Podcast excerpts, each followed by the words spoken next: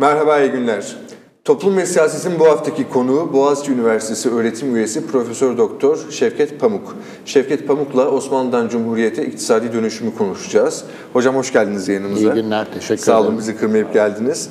Ee, sizinle Osmanlı'nın, Osmanlı'dan Cumhuriyet'e dönüşümün ve Cumhuriyet'in iktisadını konuşmak istiyoruz. Ancak vaktimiz kısıtlı, bunları uzun uzadıya konuşma fırsatımız yok.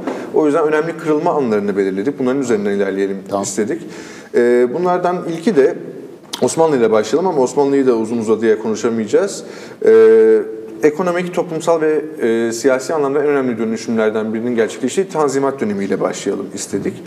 Ee, işte bildiğimiz gibi vergi toplayamayan bir imparatorluğun e, bir şekilde toparlanma, merkezileşme, modernleşme, e, ekonomik anlamda da bir şeyleri rayına oturtma girişimlerinin bir ürünü. E, şunu sormak istiyorum. Tanzimat ne tür e, kırılmalar yarattı? Nasıl bir dönüşüm ve sizin tabirinizle Osmanlı'nın Birinci Dünya Savaşı'na kadar hayatta kalmasını nasıl sağladı? Gerçekten 18. yüzyılın sonlarında Osmanlı Devleti vergi toplayamayan, daha doğrusu toplanan vergiyi merkeze çekemeyen bir devlet. Hı hı. Ve aslında dağılmanın eşiğinde. Bütün Avrupa'da kişi başına en az vergi toplayan iki tane devlet var. Bunlardan bir tanesi Osmanlılar, diğeri Polonya. Polonya 18. yüzyılın sonunda başına ne geldiğini iyi biliyoruz. Çünkü vergi toplayamayan bu devlet dağıldı, parçalandı, evet. paylaşıldı. Osmanlılara başına da 18. yüzyılın sonunda 19. yüzyılın başlarında böyle bir şeyler gelebilirdi. İşte 3. Selim döneminden itibaren müthiş bir çaba var. e işte bu, biz bunları askeri reform diyoruz, yeni ordu kurma çabaları diyoruz ama tabii bunun vergi toplama boyutu çok önemli. Ancak vergi toplayabilirse işte yeni bir ordu kuracak, diğer reformları işte e, e idari reformlar, diğer eğitim reformları bunları ancak vergi sayesinde yapabilecek.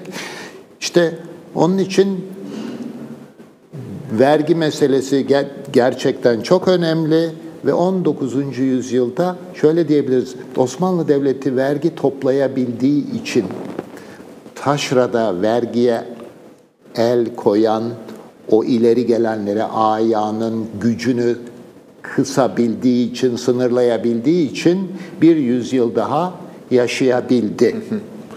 Peki e, ayanların kendi e, yönetimleri idari sistemlerini kurdukları o topraklardaki bu denli özelleşmesi ne, neden kontrol edilemedi? En azından ekonomik bağlamda.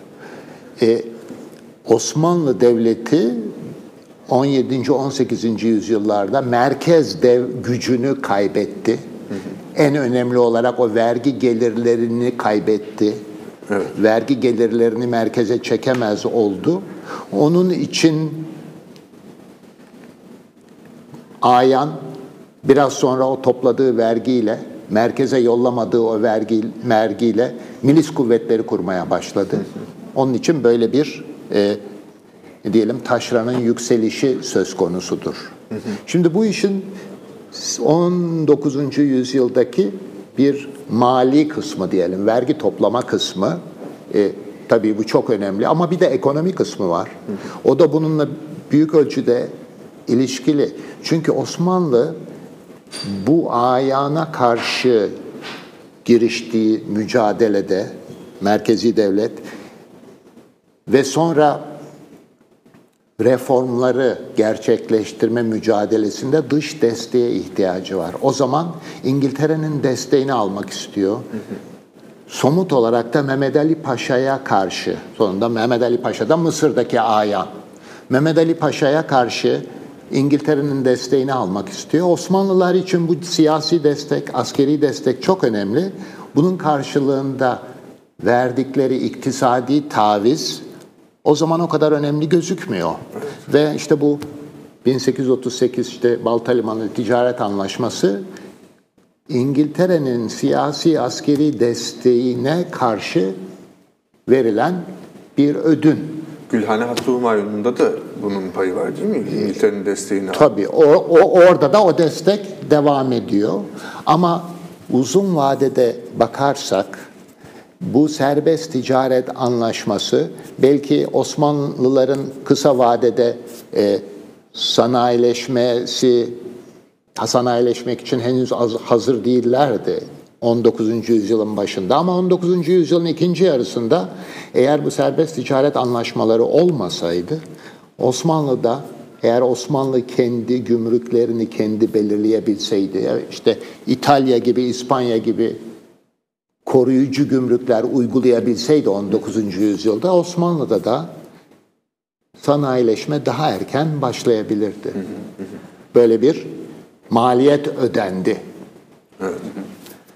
Burada isterseniz e, daha sonraki aşamaya geçelim.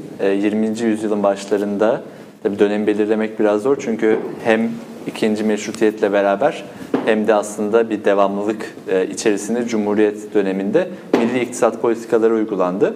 Hem böyle bir düşünce sistemi var hem şeyde görüyoruz İttihat ve Terakki Cemiyeti'nin bunu pratiğe döktüğünü, daha sonra da Cumhuriyet kadrolarının pratiğe döktüğünü görüyoruz. Bu e, politikalarla beraber bir burjuvazi yaratma, bir burjuva sınıfı yaratma amacı var ve bir servet transferi politikası da var aslında. Bu politikaların e, ekonomiye ve topluma, siyasete ne türden etkileri oldu? Yine 19. yüzyıldan başlatayım. Ee, 19. yüzyılda böyle burjuvazi bir orta sınıf deyince en çok akla gelen bu serbest ticaret anlaşmalarından yararlanan büyük liman kentlerindeki Rumlar, Ermeniler. Mü Müslümanlar, Türkler daha geride kalıyorlar. Liman şehirlerinde Avrupa ticaretini onlar daha zayıflar. Müslümanlar daha, Müslümanlar, Türkler daha içeride, tarımsal bölgelerde. Şimdi dediğiniz gibi 20. yüzyılın başlarında diyelim İttihat Terakki'nin döneminde 1908 sonrasında Ziya Gökalp diyor ki ya Avrupa'ya bakıyoruz orada işte onlar bu müthiş dönüşümleri gerçekleştirdiler. Orada bir orta sınıf var. Onlar çekici güç. Ama bizde bu yok. Daha, daha doğrusu bizde böyle bir Müslüman Türk orta sınıf yok.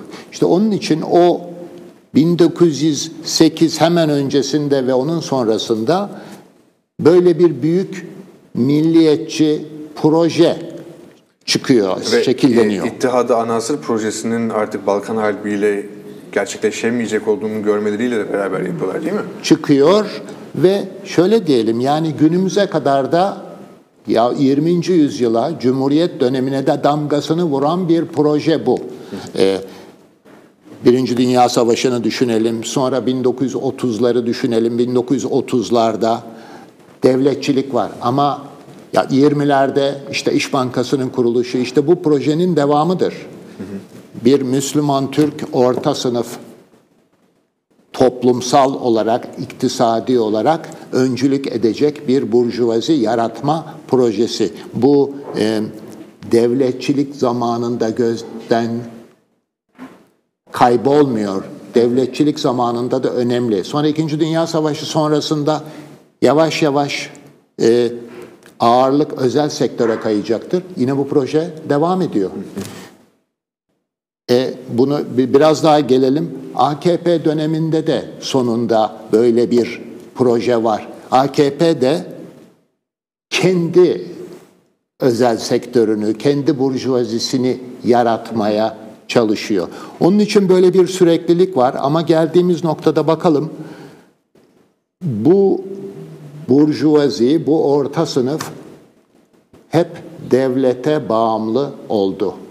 Bu özel sek bu, bu özel sektör ile devlet arasındaki ilişkiler hep eşitsiz oldu. Yahut bu orta sınıf devlete karşı özerkliğini, bağımsızlığını kuramadı. Ve hep böyle bir e, bağımlılık var. Devlete karşı yakın olup devletten yararlanma çabası var. Öte yandan da devleti kontrol edenlerin de bu özel sektör üzerinde her dönemde büyük etkisi var. Bu da bu ne, 100 yıl oldu diyelim. 100 yıl oldu İttihat Terakki'den beri. Bu yüzyılın belki hep ortak özelliğidir. Tarihsel olarak ilerlersek e, bir sonraki aşamada çok partili dönem Demokrat Parti'nin iktidara gelmesi 1950-1960 arasındaki iktidarı. E, bu dönemde tarıma dayalı bir kalkınma modeli var. Siz de 1950'li yılların ikinci yarısında Demokrat Parti'nin e, uluslararası destek beklentisi ile içeride popülizmi birleştirerek sorunları ötelemesinin Türkiye'ye ekonomik, sosyal ve siyasal e, maliyetler getirdiğini vurguluyorsunuz. E, bu politikaların, Demokrat Parti'nin politikaların e, maliyetlerini nasıl açıklayabiliriz? Özellikle kısa vadede ve uzun vadede belki bugüne de yansıyan. Şimdi tek parti döneminde ağırlık kent ekonomisinde, e, devletçilik, işte böyle bir e, burjuvazi yaratma çabaları ama esas o kentlerde e, çok partili rejime geçince tabii nüfusun yüzde sekseninin yaşadığı kırlar ağırlığını koyuyor. Evet. Seçmen diyor ki biraz da beni düşün, tarımı düşün.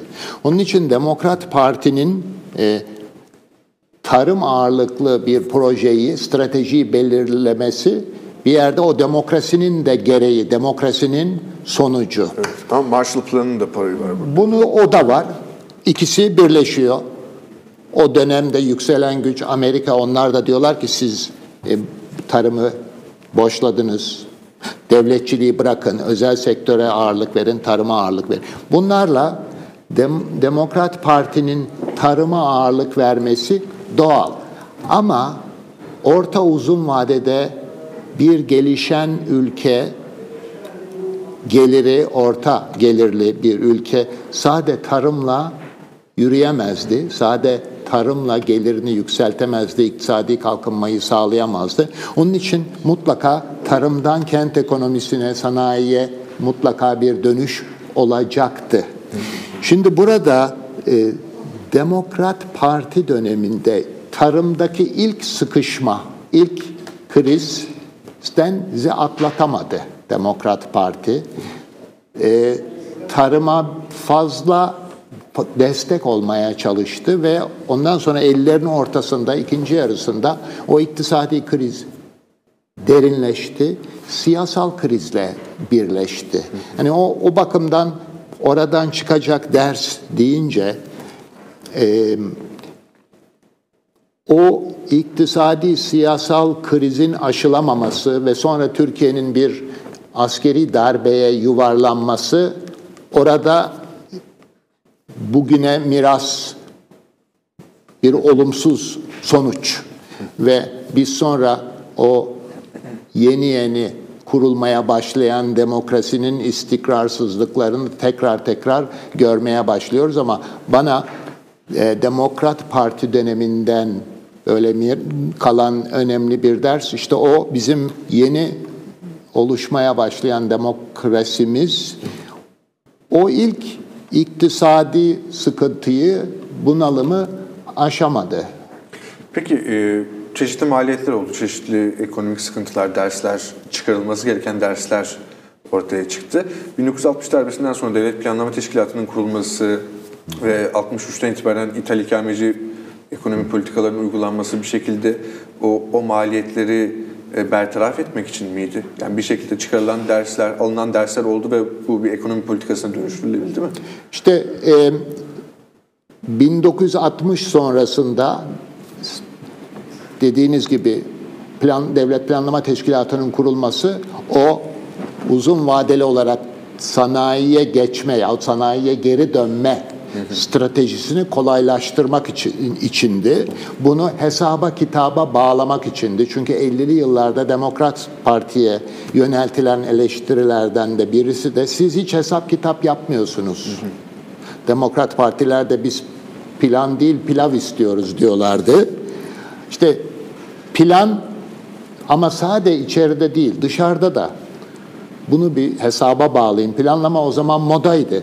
Türkiye'de değil, uluslararası kuruluşlar içinde önemliydi. Onlar da istiyorlardı Türkiye'nin planlamayı benimsemesini. Onun için bu bir geçiş. Ama bu 1960 darbesiyle, askeri darbesiyle başlayan istikrarsızlıkların 60'larda 70'lerde devam ettiğini görüyoruz. Askeri müdahalelerin devam ettiğini görüyoruz. Şöyle diyelim işte siyasal uzlaşma, siyasal istikrar sağlanamıyor ve sonunda Türkiye'nin iktisadi gelişmesinin yahut gelişmenin önündeki önemli engel, en önemli engel bu siyasal meseleler olmuştur. Peki biraz daha ilerleyelim arzu ederseniz. Ee, iktisadi tarihimizin kuşkusuz en önemli dönemeçlerinden bir tanesi de e, 24 Ocak kararları ve daha sonra 80'li yıllardaki neoliberal dönüşüm. Ee, bu işte devlet müdahalesini ve sübvansiyonları kısıtlayan, e, yabancı yatırımları teşvik eden, dış ticaret serbestisi getiren bu e, neoliberal dönüşüm belirli bir ölçekte ve hızla e, bir e, ilerleme, bir genişleme ekonomide sağladı ama avantajları, dezavantajları, getirileri, götürüleri olan e, bir dönüşüm bu. Buna biraz bakalım isterseniz. Türkiye için ne yarattı, neler getirdi bu neoliberal dönüşüm? Şimdi böyle ben 200 yıllık bir perspektifle baktığımda her dönemde yani dönem deyince 30-40 yıl olur, 50-60 yıl olur. Her dönemde dünyadaki gidişat, dünyada izlenen e, stratejiler, modeller, ekonomik modeller hangisi ise özellikle gelişen ülkeler için Türkiye'de sonunda bunu benimsiyor. Hı hı. Ee, 60'larda 70'lerde işte planlama diyorlardı, sanayileşme diyorlardı. Türkiye'de sonunda buraya geldi. Demokrat Parti tarım dedi. Sonra Türkiye sanayileşmeye, planlı kalkınmaya geldi. Türkiye'nin 24 Acı Ocak kararları ile daha bu neoliberal politikalara, ne diyelim piyasa ağırlıklı politikalara geçmesi de aslında dünyadaki gelişmelerle iç içe yürüyor. Tabii Türkiye'nin kendi iç siyasal nedenleriyle bu siyasi iktisadi krize yuvarlanması da bu geçişi zorladı. Zamanlamasını belirledi ama şu veya bu şekilde Türkiye o geçişi yapmak durumundaydı. Şimdi bu neoliberal dönem yahut 24 Ocak kararlarının bugün baktığımızda iki tane temel amacı var. Bunlardan bir tanesi bir önceki dönemde 60'larda 70'lerde bütün dünyada e, dengeler emekten yana gidiyor. Emek güçleniyor. Sermaye emekle baş edemiyor belki. Onun için e, 24 Ocak hem iktisadi olarak hem siyasi olarak bu dengeleri sermayeden yana değiştirme, kura oyunun kurallarını sermayeden yana değiştirme çabası var. 24 Ocak'la beraber. Tabii bunun işin işin içerisine siyasi boyut da giriyor. İşte o sırada aynı yıl biraz daha sonra birkaç ay sonra bir askeri rejim kuruluyor Türkiye'de. Askeri rejim sayesinde işte emeğin örgütlenmesi, işçi sendikaları bunların gücünün azaltılması da kolaylaşıyor. Ama dünya ölçeğinde de başka değişiklikler de var sermaye daha kolay hareket edebiliyor. Emeğin örgütlenmesi önünde engeller, zorluklar artıyor. Bu dünyada başka gelişen ülkelerde, başka ülkelerde olan şey Türkiye'de de oldu. Bu sayede şöyle 80'den günümüze baktığımızda dünyanın pek çok ülkesinde olduğu gibi Türkiye'de de gelir dağılımı sermaye gelirleri lehine, sermaye lehine, emek aleyhine bozuldu. Böyle bir uzun vadeli böyle bir eğilim var. Bu işin birinci kısmı. 24 ee, Ocak kararlarının ikinci büyük hedefi ise o şeye baktığınızda, hiç olmazsa söyleme baktığınızda devletin ekonomi içindeki yerini küçültmek idi. Ee, bazı bakımlardan bu gerçekleşti. Ama son tahlilde böyle bir e, niyet ile uluslararası ölçekte, uluslararası düzeyde ifade edilen böyle bir niyet yahut teori ile Türkiye'nin gerçekleri son 30-40 yıl, 30 1980'den beri etkileşim içinde. Hı hı. Ve sonunda e, Türkiye'de devletin ekonomi içindeki yeri azalmadı. zayıflamadı. Türkiye'de devlet ve devletin ekonomideki yeri, iktidarların ekonomideki önemi gerilemedi. Sağlam duruyor. Yani bizim şöyle diyelim, bizim bünye başka ülkeler için de konuşulabilir ama bizim bünye bu niyeti reddetti. Bugün ulusal hükümetler, iktidarlar, siyasal iktidarlar ekonomi içerisinde gayet güçlü durumdalar. Ekonomide kim neyi kazanacak, kim neyi yapacak bunları bugün Türkiye'de siyasal iktidar belirliyor. Peki. Ama 80 yılındaki niyet o değildi sanki. Evet, evet. Peki sizce e, 80'lerde niyet mi bu değildi ilk başta yoksa böyle bir liberal söylem kullanılarak aslında hani arkasında başka bir şeyler mi yapılıyordu? Ama en azından şöyleydi herhalde. Yani bu sermayeye daha fazla dengeleri sermaye yönünde değiştirmek dediğimiz şey bu özel sektörün daha fazla güçlenmesi yönünde ilerleyecek diye bir temenni vardı. Böyle bir proje vardı. Ee, tabii her ülkede böyle gelişmedi. Ona bakmak lazım ama Türkiye'de hiç olmazsa söyleyebiliriz ki biraz önce değindiğimiz gibi özel sektörün devlete bağımlı konumu devam etti. Devlet gerilemedi, özel sektör güçlenmedi. Ee, tam tersine Türkiye'de e, devlete egemen olanlar, siyaset, siyasi e, kadrolar bugün özel sektör karşısında güçlü durumdalar. Benim yorumum e, bu 24 Ocak veya neoliberal projenin e, niyeti bu değildi. Burjuvazinin de devletle olan organik bağı kopmadı bu manada öyle mi? E, bağımlı konumları değişmedi. Bağımlı kalmaya devam ettiler ama neoliberal proje bence bu değildi. Evet. E, Bu özel sektörü güçlendirmekti ki başka ülkelerde şimdi mesela gelişen gelişmiş ülkelerde işte yüzde bir diyorlar değil mi? Öyle bir e, genel olarak e, e, burjuvazinin güçlenmesi, özel sektörün güçlenmesi diyorlar. Hiç olmazsa Türkiye örneğinde bu olmadı. Peki siz de 80'lerden başlayarak bugüne kadar e, bir şeyler söylediniz. Bunu biraz daha detaylandıralım. Daha yakın tarihimize bugüne gelelim. AKP'nin ekonomi politikalarına gelelim.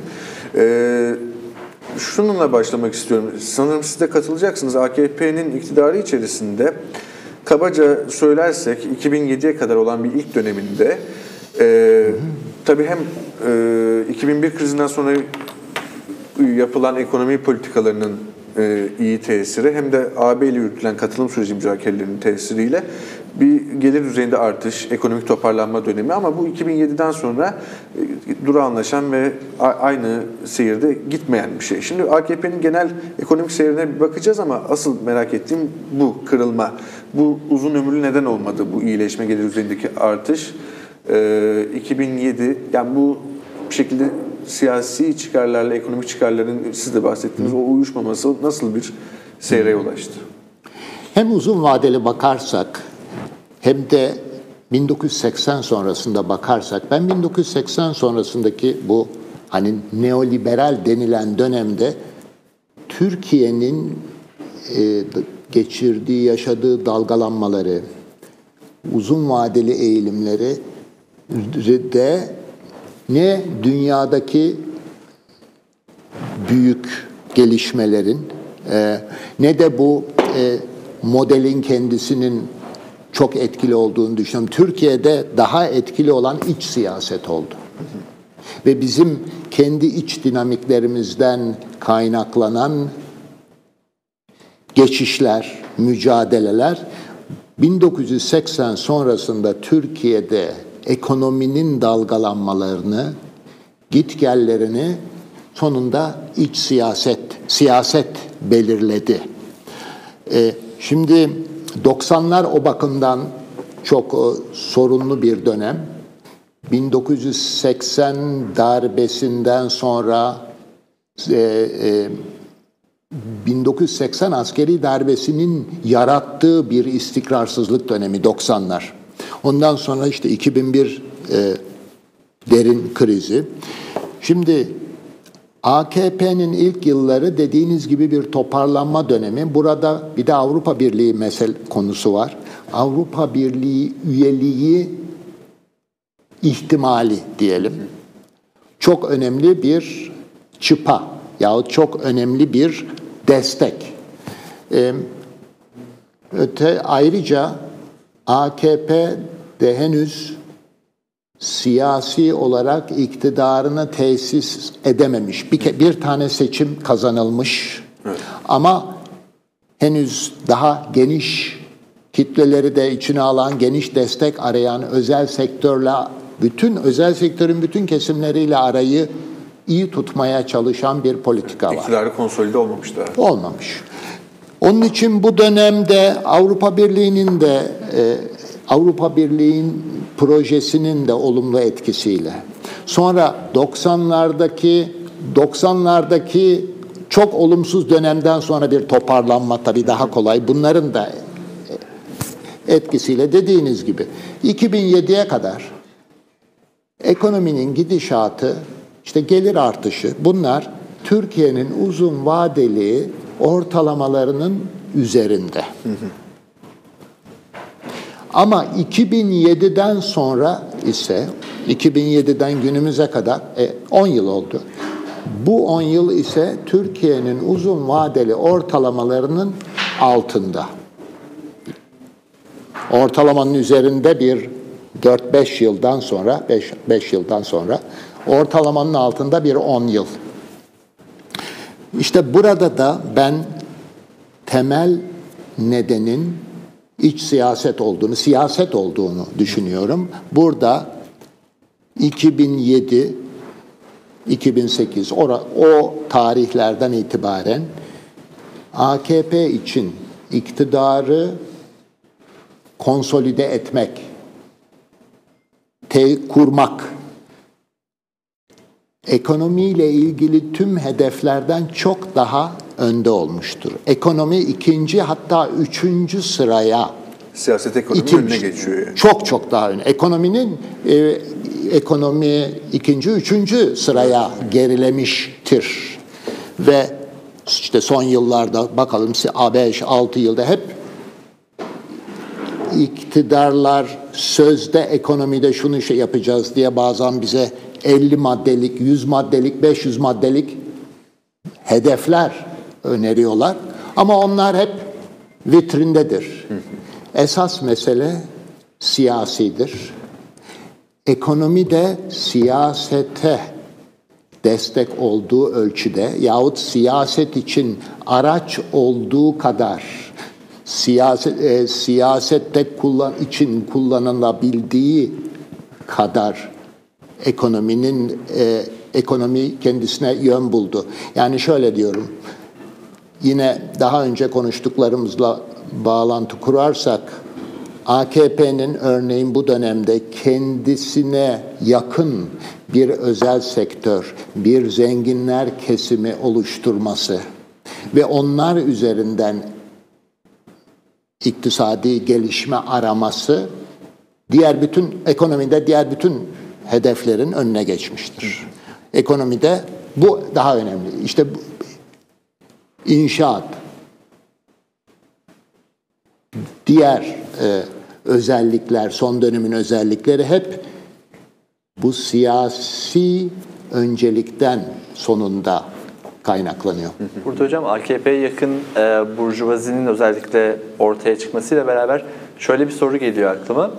E, tabii milli görüşte o biraz daha farklıydı. Çünkü milli görüş ekonomik olarak daha çok Anadolu'daki Anadolu kaplanlarını temsil ediyordu. AKP de aslında kendi burjuvazisini yaratmaya çalışıyor bir taraftan bu Anadolu kaplanlarıyla beraber. Ama diğer taraftan da e, diğer burjuvaziyi tırnak içinde aslında Cumhuriyet burjuvazisini çok dışlamayan politikalar izliyor ekonomik olarak. Bunlar arasında bir çelişki yok mu aslında? Şimdi son 20-30 yıla bakarsak bu Anadolu'daki yeni, yükselen yeni sanayi merkezleri o kadar güçlenemedi. Türkiye'nin geneline yayılmadı sanayileşme. Onun için sonunda yine büyük kentler, büyük kentler önemli. eğer bir siyasal iktidar e, bir kendi burjuvazisine, özel sektörünü, kendi zenginlerini yaratacaksa bunu sonunda e, gene büyük kentlerde yaratma durumunda. İşte İstanbul bu müthiş hızlı büyüyen nüfus, müthiş büyük bir bu toprak, arsa, rantları ile İstanbul tabii öne çıkıyor. İstanbul inşaat üzerinden bu arsa rantlarının, toprak rantlarının kullanılması, dönüştürülmesi üzerinden kestirme yol, zengin yaratmak daha kolay oluyor. Ben şöyle bir örnek vereyim. Bir düşünün 5, 10, 15 yıllık bir projeyle dünya pazarlarında işte teknoloji yoğun, inovasyona dayanan ihracat üzerinden zengin yaratmak mı kolay? Yoksa İstanbul'daki bu toprak arazi rantlarını şu veya bu şekilde şu kesime, şu kişiye devrederek zengin yaratmak mı kolay? Tabii ikincisi çok daha kolay, daha kısa zamanda yapılacak bir şey ve tabii o AKP'ye yakın kesimlerin e, özelliklerine, o firmaların özelliklerine de uyuyor, daha evet. uygun. Kolay ama sürdürülebilir değil diyor öyle değil mi? Yani başarısı elde ettiği başarı çok uzun vadeli olmayacak. Olmayacak. Teknoloji sizin verdiğiniz birinci seçeneğe nazaran. Evet olmayacak. İşte e, şöyle o ne oldu son 10 yılda bakın e, ne konuşuyoruz diyoruz ki 10 yılda ortalamanın altında işte bunu sağlar o. Evet. Bu model bu model onu sağlar. Çünkü bu hani bir de işte yok cari açıktı. Türkiye'nin kendi dövizini kendi dövizini e, kazanma sıkıntıları idi. E, şimdi bu inşaat modeliyle bunu aşamıyorsunuz. Körfez'deki zenginlere, orta sınıflara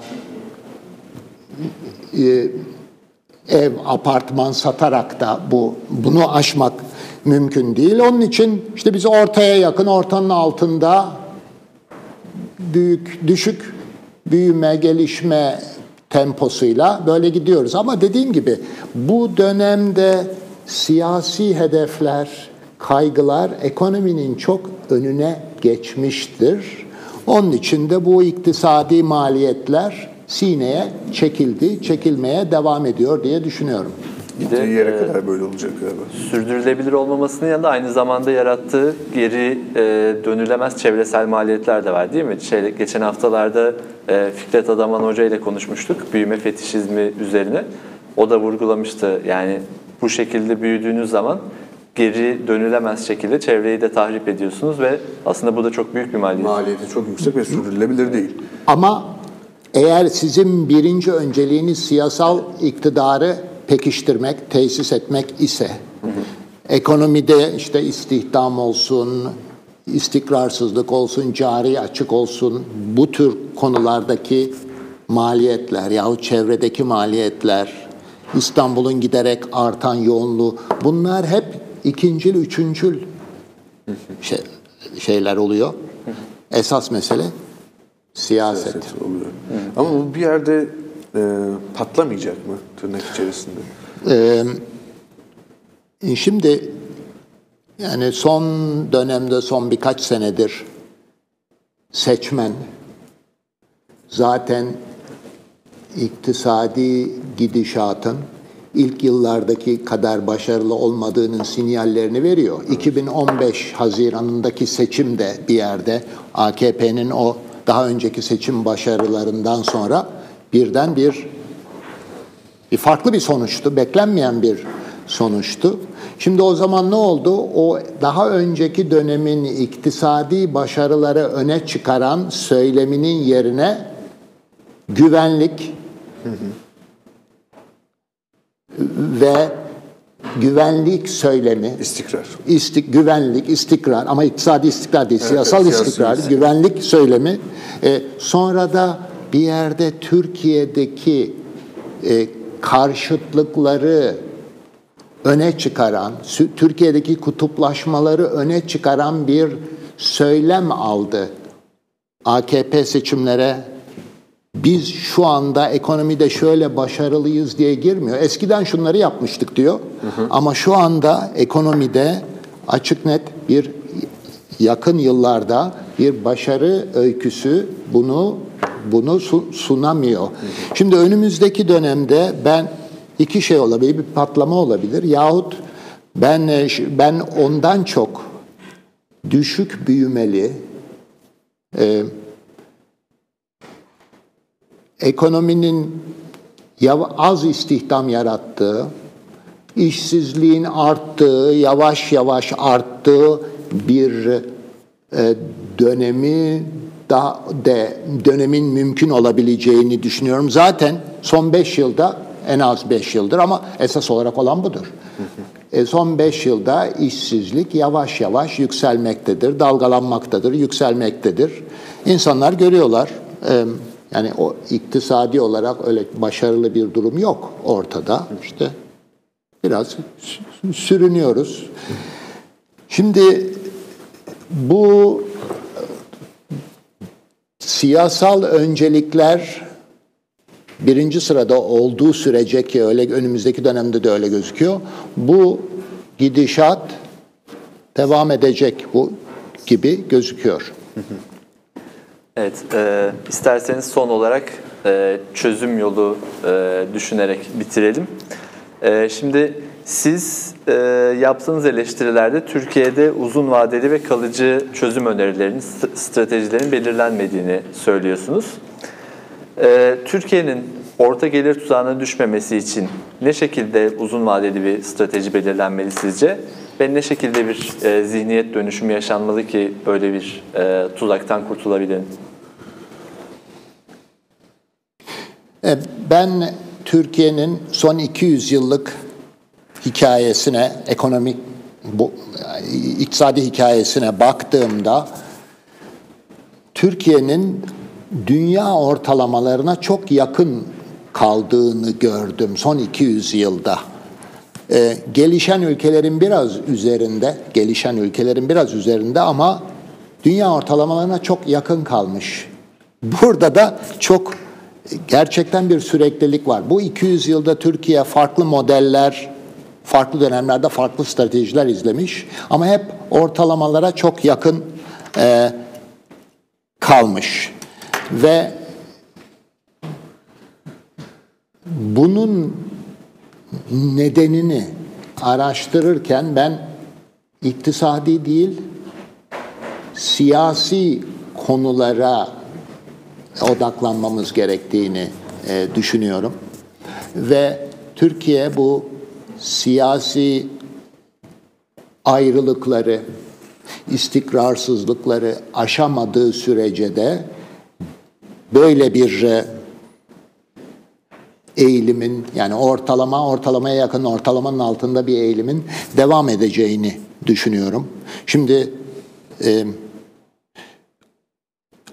daha dikkat ederseniz son yıllarda bizzat iktidar bu ayrılıkları körüklüyor. Hı hı. İşte laik, muhafazakar, Türk, Kürt, Sunni, Alevi bu ayrılıklar üzerinden siz siyaset yaparsanız ekonomide de çok fazla başarılı bir yere gelmek mümkün değil. Peki Türkiye ne yapmalı? Ben meselenin siyasi olduğunu düşünüyorum ama yine şunu da söyleyeyim. 10 yıl önce olsaydı, 10 yıl önce olsaydı ben derdim ki daha başarılı bir ekonomi için işte daha fazla eğitim, daha fazla teknoloji, inovasyon, ihracat, e, daha katma değeri yüksek ürünlere doğru geçiş 10 yıl öncesinde bunları söylerdim. Bu orta gelir tuzağını aşmak için. Ama bugün çok daha farklı bir yerdeyiz. Bugün ekonomi için ne yapmak gerekir derseniz bana ben hukuk devleti diyorum. Bir, hukuk devleti. Bugün yargıya, hukuka güven çok azalmıştır. Hukuk devletinin olmadığı yerde de ekonomi ancak işte devletin yarattığı ayrıcalıklarla onların götürebildiği kadar ekonomi olur. Gelir artar. İşte orta ortanın altında kalır. Sonra sade hukuk, tabii hukuk devleti. Bugün son birkaç yılda iktisat, ekonomik gelişmenin en temel e, koşullarından biri mülkiyet hakları artık en temel, en basit mülkiyet hakları e, Türkiye'de konuşulur oldu. Sonra bağımsız medya. Bağımsız medya iktisadi gelişme için çok önemli. Çünkü bir şeyler yanlış gidiyorsa bir bunları medya yoluyla öğreneceğiz. Bugün Türkiye'de bunlar konuşulamıyor. Bunları ben bunları internette arıyorum. Ben bunları nereden öğrenebilirim diye. Bayağı bir hani ben e, in, e, internette dolaşıp yani Türkiye ile ilgili haberleri nereden öğrenebilirim diye gayret gösteriyorum. E, onun içinde ekonomide neler oluyor? Bunları kamuya, ekonomide neler oluyor, siyasette neler oluyor? Bunları bunları kamu maalesef bunları öğrenemiyor. Böyle durumda iktisadi tarafta ekonomik gelişme beklemek, bu orta gelir tuzağını aşmak çok çok zor. Orta gelir tuzağı işte bu e, hukuk devletinden, mülkiyet haklarından e, medyasına, bağımsız medyasına kadar bu kurumsal dönüşmeler gerçekleşirse orta gelir tuzağı aşılabilir. Evet, ekonomik gelişmenin yolu başta bazı siyasi reformlar Temel galiba. neşelere gidiyor. Çok teşekkür hocam. Çok Ağzınıza teşekkür ederiz hocam. Sağ olun. Bugün Profesör Doktor Şevket Pamuk'la Osmanlı'dan Cumhuriyete ekonomiyi konuştuk. Bizi izlediğiniz için teşekkür ederiz. İyi akşamlar. İyi akşamlar.